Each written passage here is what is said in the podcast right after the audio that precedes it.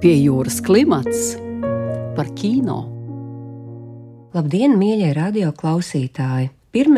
martā savu pirmizrādi piedzīvoja ilgi gaidītā režisora Jura Poškus komiskā drāma Saule spīd 24 stundas. Filma stāsta par uzņēmēju Mārtiņu, kurš šķietami sasniedz visu, kas nepieciešams ideālai dzīvei. Nauda ir, māja ir, draudzene ir. Taču savā 40 gadu jubilejā Mārtiņš kopā ar draugiem spontāni nolemj visu pamest un doties braucienā uz Ziemeļpolu, lai meklētu kaut ko, bet īsti pats nezinot, ko. Filmā Saule spīd 24 stundas, galveno lomu atveido aktieris Andris Keišs, bet pārējās lomās redzami Kristīna Krūze Hermane, Kaspars Notiņš un Inters Rešetins, kā arī norvēģu aktieri Trons Halbo un Jepe Beks Laursens. Filmas scenārija autori ir Juris Poškus un Aleksandrs Rodjonovs, operators Mārtiņš J. Edelstēns, producente Madara Melberga. Par to, kā tapa filma Saule spīd 24 stundas un kas ir tas, ko vajag meklēt dzīvē un kino, stāsta studijas viesi, režisors Juris Poškus un aktrise Kristīna Krūze Hermane. Pie jūras klimats par kino. Nu, sveicināti raidījumā pie jūras klimats. Sveiki, Lūdija! Sveiki, sveiki! Varbūt pašā sākumā varētu ieskicēt, kā radās ideja filmai Saule spīd 24 stundas. Ideja gan es atceros, ka viņa radās uz salas Somenlīna. Tas ir kāds 20 km no Helsinkiem, bet tur nokļūst aprīļa mēnesī ar domu rakstīt scenāriju vienai filmai, kas tā arī nekad netika uzņemta. Tas scenārijs galīgi nerakstījās, un kaut kā nekas negāja uz priekšu. Tad es eh, internetā atradu tādu blogu, ko rakstīja Harijs Sils, latviešu ceļotājs, kurš bija devies uz Ziemeļpolu kopā ar ambiciozu Guinness rekordu uzstādītāju grupu. Un viņš arī detalizēti aprakstījis visas nedēļas, kas tur notiek, kas bija patiesībā lielisks materiāls. Tur nekas no tām nedēļām, ko viņš bija aprakstījis, izņemot to, ka kavējās lidojums arī tajā filmā, protams, ka nav. Bet vismaz sākotnējais impulss bija šis te bloks, pēc tam, laikam, es vienkārši uzrakstīju kādu labu strīdmentu un aizmirsu par to uz kādiem pieciem gadiem. Jo parasti jau strādā pie daudziem projektiem vienlaicīgi, nezinot, kurš no viņiem galu galā izšaus.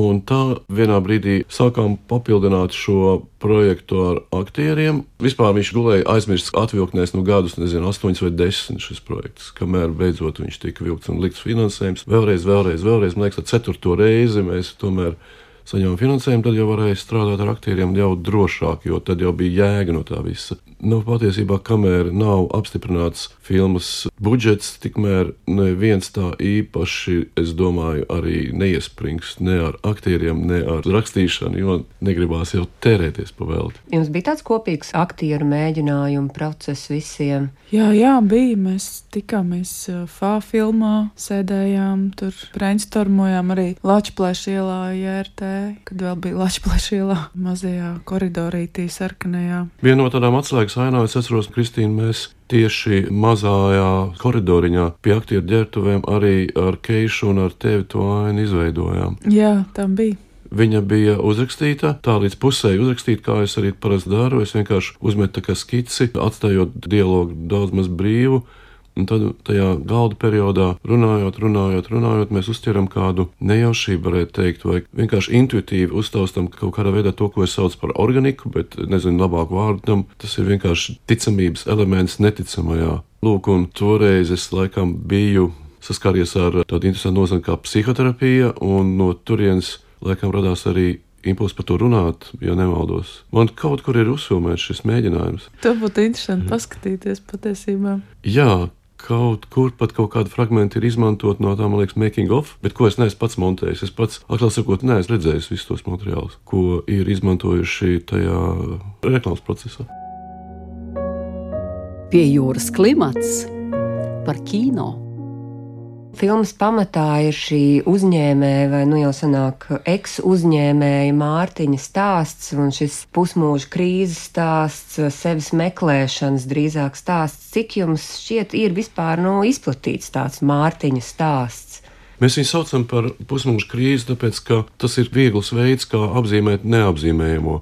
Patiesībā laikam tā nav tomēr tāda pušmuša krīze, kas mēs pieraduši ar tādiem grafiskiem simboliem, diezgan klišejiski par to domāt. Tur eh, nav ne sarkana sporta automašīna, ne arī 30 gadus jaunāka meitene, ne arī visi šie elementi, ar ko parasti tiksim, tradicionāli asociējās šis pārējais posms. Bet gan drīzāk tā ir filma par cilvēku, kas jūtas ne savā ādā. Man šķiet, ka tas drīzāk ir eksistenciāls nekā sociāls uzstādījums. Un šī loma kaut kādā veidā pašam Keišam bija kaut kas jauns, jo viņš neko tādu nebija pirms tam veidojis. To varētu aprakstīt arī kā vidējais latvietis, tāpat kā Andris Keišs, kurš ne ar ko īpaši nav ievērojams.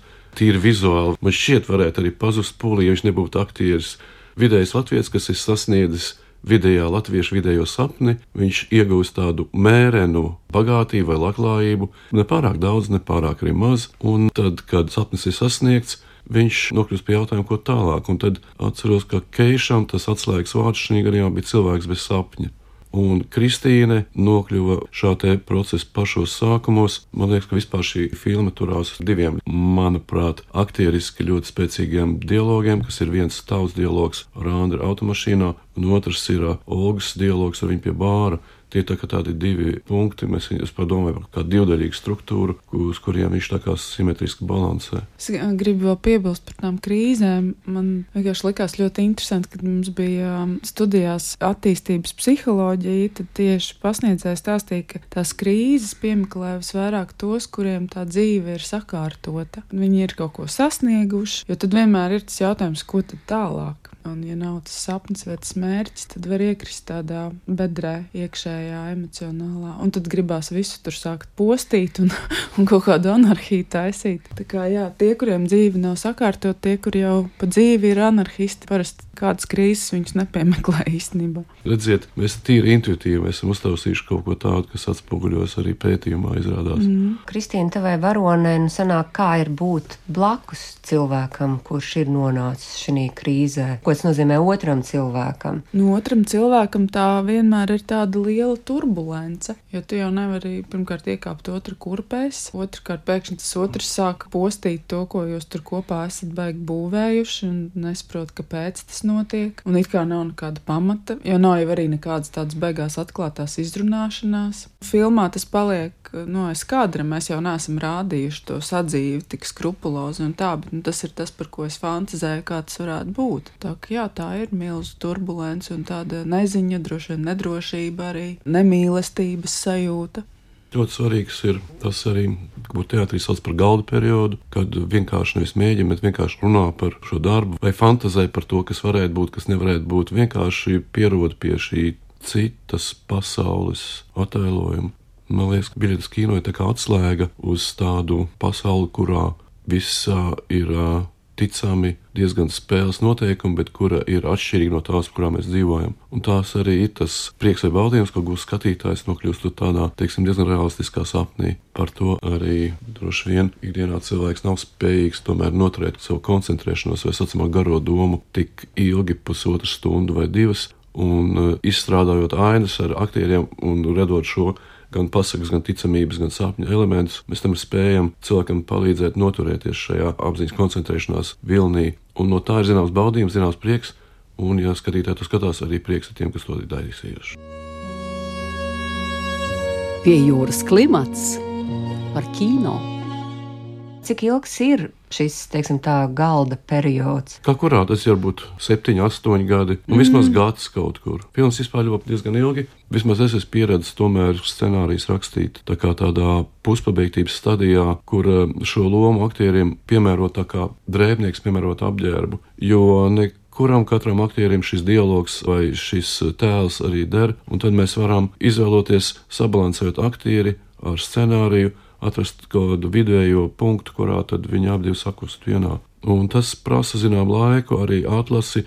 Citreiz arī jau iestrādāts lomas, dažreiz nākās atteikt par spīti tam, ka ar to varbūt iespējams dažreiz bojās personiskās attiecības, bet tomēr filmas ir svarīgāka lieta. Un, Un ir labi, ka tas sanāk tā, kā nevar zināt nekad neko. Cik ļoti atšķiras gala rezultāts no tā, kāds bija, piemēram, pirmais scenārijs vai pirmās montāžas versijas? Zini, es jau neredzēju tās pirmās montāžas versijas. Es zinu, ka manas ainas ir pagraizītas.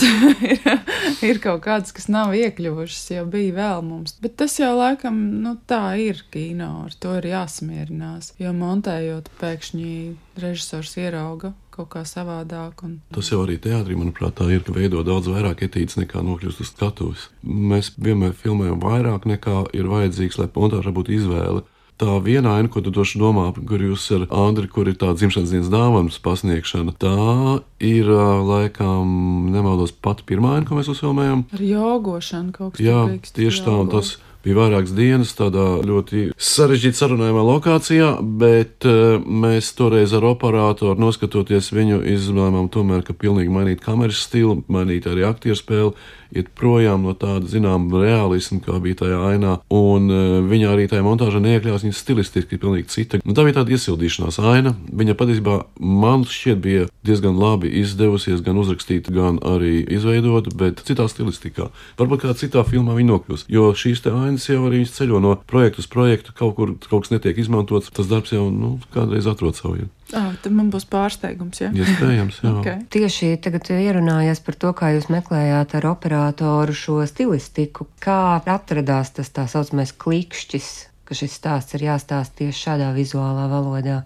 Es domāju, ka ir tīri intuitīvs. Tas ir process kaut kādā veidā, gan nejaušībai, gan arī tādai ticībai, ka tas, ko tu redzi, ir tas, ko tu gribi.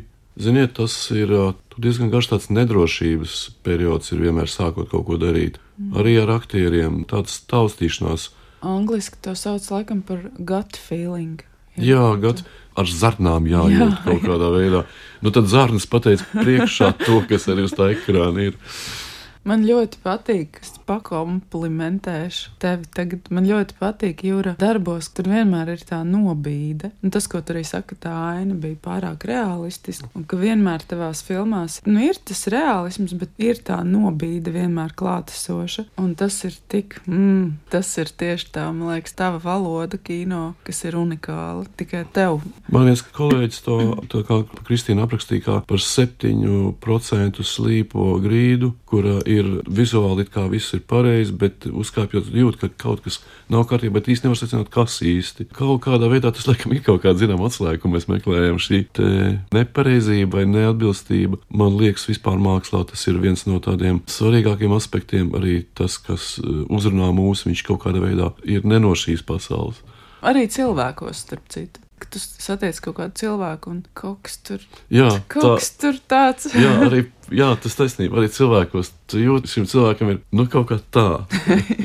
es nevaru parādīt, tas nav kameras. Bet jā, tas ir kaut kāds tas veids, kā kaut kādā dīvainā ziņā precīzāk parādīt to cilvēka dabu. Ar šo nobīdi tev parādās kaut kādas patiesības, kuras varbūt nu, tādā tīrā realismā paslīd garām. Diezgan precīzi, jo cilvēkiem, manuprāt, nepatīk redzēt to pasauli, kurā mēs dzīvojam, mēs jau tā kā tā par viņu pārāk daudz zinām. Un tad ir šī, ko es pirms tam minēju, atslēga uz šo citurieni, uz aizspogulī vai aizekrānī. Pie jūras klimats par kino. Jūs filmējāt arī aiz polārā loka. Protams, tas ir filmēts pirms jau ilgāka laika, bet eh, Kāda šobrīd ir sajūta vērot šo Krieviju uz ekrāna? Nu, ļoti dīvaini. Es esmu priecīgs, ka mēs tomēr filmējot vispār atsaucas uz šādu Krieviju nekur uh, nelikām, jo šī Krievija arī tika izvēlēta, atklāt sakot, diezgan nejauši. Mēs ar producentu bijām Kanādā, piedalījāmies tā saucamais um, Film Financing Forum, kas ir Kanādas festivāla ietvaros. Un mēs vienlaikus apsveram domu filmēt Manitobā, Kanādas štats. Viņš ir uh, ļoti plakans līdzenums līdz pat horizontam un ziemebalts, jo mēs meklējam tādu līdz horizontam, kā es atkārtošos, baltu sniegu, kurš ar debesīm saplūst kopā un apsveram arī Svalbārdu un vairākas vietas, pat Grūziju vienā brīdī, jo tur kalnos ir viens apgabals, kurā ir esoši purvi, kurā arī ir šis plakanais līdzenums. Taču ir viens cits aspekts, izrādās, ka mūsu sniegs arī tas, ko varētu uzfilmēt uz Lubānas ezera ledus vai arī tajā pašā Kanādā, šis sniegs, viņš ir irdens, viņš ir sniegs, kas snieg no gaisa. Arktiskais sniegs ir pavisam citāds. Tur sniegs nekad nesnieg. Viņu vējš sapūž kristalizējošos ļoti smalkus putekļus, ļoti blīvā slānī, pa kuru var staigāt kā pa asfaltam, neiegrimstot. Cik interesanti, es to nezināju. Un šādu sniegu mēs atradām tikai aiz polārā loka, un patiesībā arī šī izvēle par labu Krievijai tika izvēlēta arī tāpēc, ka tomēr bija vajadzīgs ciemats, kuram gājusi laika faktūra pāri, kurš ir kaut kādā veidā pēdējā vieta, kur cilvēks var nokļūt nu, tādā galīgā, es gribēju teikt, nu, pakaļā vaļā, vai ne? Tas super depresīvi izskatās. Tas vienkārši kaut kas tāds ārprātīgi Bet ļoti atpazīstams, diemžēl. Tur tas ir bērnu laukums pa vidu tām mājām. Tas liekas kaut kas pilnīgi apakaliptisks. Mums veicās, mēs atradām tādu vietu, kas pilnīgi vizuāli simbolizē, ka laiks ir apstājies, kur joprojām bija 70. gadu simboli uz mājām uzkrāsot bērni ir mūsu nākotne, visādi šie te lozungi, kas kādreiz bija tik šausmīgi aktuāli. Laiks ir apstājies, un tas bija viens no vidi raksturošiem elementiem, kas pēc scenārija tik ļoti skrupulozi meklēts. Bet tā ar ģeopolitisko realitātēm šai filmai sakars ir ļoti mazs. Viņa vairāk vai mazāk meklē šo dīvaino vai dažreiz komisko vai arī nopietnu raksturu, bet viņa nesaisto ar sociālpolitisko vēstījumu. Līdz ar to īpaši ko teikt par šiem politiskiem apstākļiem, laikam nav, jo filmā tas un iecerēts, ne arī viņš kaut kādā veidā izspēlējis. Tas, kas man skatoties, šķita, ka tomēr, neskatoties, šī nav absolūti politiska filma, bet ka to Krievijas ārprātu, nu, kas tur ir, tas ir ļoti spilgti atspoguļojies. Un arī kaut kāds tas psiholoģiskais tāds aspekts, pat es teiktu, mentalitātes vai domāšanas dialogā, kur viņa saka, tu netiksi no šejienes prom, ja es negribēšu. Mazums, neviens jau nezina, kāpēc tu te esi atbraucis. Tā vara, tā kaut kāda. Mēs pētījām tādu leksiku, kā runāt krievu FSB. Mēs paši to saskarāmies, ka tur vajadzēja divus mēnešus iepriekš atļaujas, lai vispār tā ir pierobežas militāra zona, kur mēs filmējām. Un tikai pateicoties mūsu līdzproducentam Vladam, kurš bija daudz filmējis Arktikā, mēs vispār tur tikām ielaisti. Un šis jautājums, ar kādu mērķi jūs ieradāties, to lieto krimināla noziedznieki un lieto arī drošības dienests šis jautājums, ar kādu mērķi jūs šeit atrodaties, ir ļoti zīmīgs tās profesijas leksikas iezīme. Un viņi pēkšņi pāriet uz šo leksiku. Un ka Išvaronis saprot, ka tā nav nekāda joka, jo mm. jūs nekur neaizlidosiet no šīs lidostas. Kas zina, kas jūs tāds esat, ar kādu mērķi jūs šeit atrodaties? Tur vēl vajag, kā viņi saka, razabrāca, ar to tik skaidrība. skaidrība. Varbūt esat terorists. Un pēkšņi šī sieviete ir uz tādu draudīgu apjomu. Viņa Nu, jā, bet tas par to, ka var pierakstīt jebko, un ka var melot, un ka var noliegt. Nu, ko mēs tagad redzam arī Ukraiņas kontekstā, kā Krievija, tā Krievijas retorika. Un tas viss brīnišķīgi parādās šajā filmā. Nu, varbūt tur kaut kāda nojausma bijusi par šīs dienas realitāti, jo šis viņas monologs tiešām ir ar to vēstījumu, kas pašlaik arī notiek. Filma beidzot ir nonākusi pie skatītājiem. Jūs braukājat apkārt pa Latviju. Kādas ir atsauksmes jau no skatītājiem? Kā ir beidzot šo tik ilgi tapušo darbu aizvest līdz cilvēkiem? Nu, man pārsteidz tas, ka ir necerēti labi apmeklēti. Tomēr šie arī novada kinoteātri, teiksim, mēs bijām aizvakar Talsos, ka bija 70 cilvēku zālē. Tas talsiem ir uh, grandiozi. Nu, es biju domājis, pus astoņi.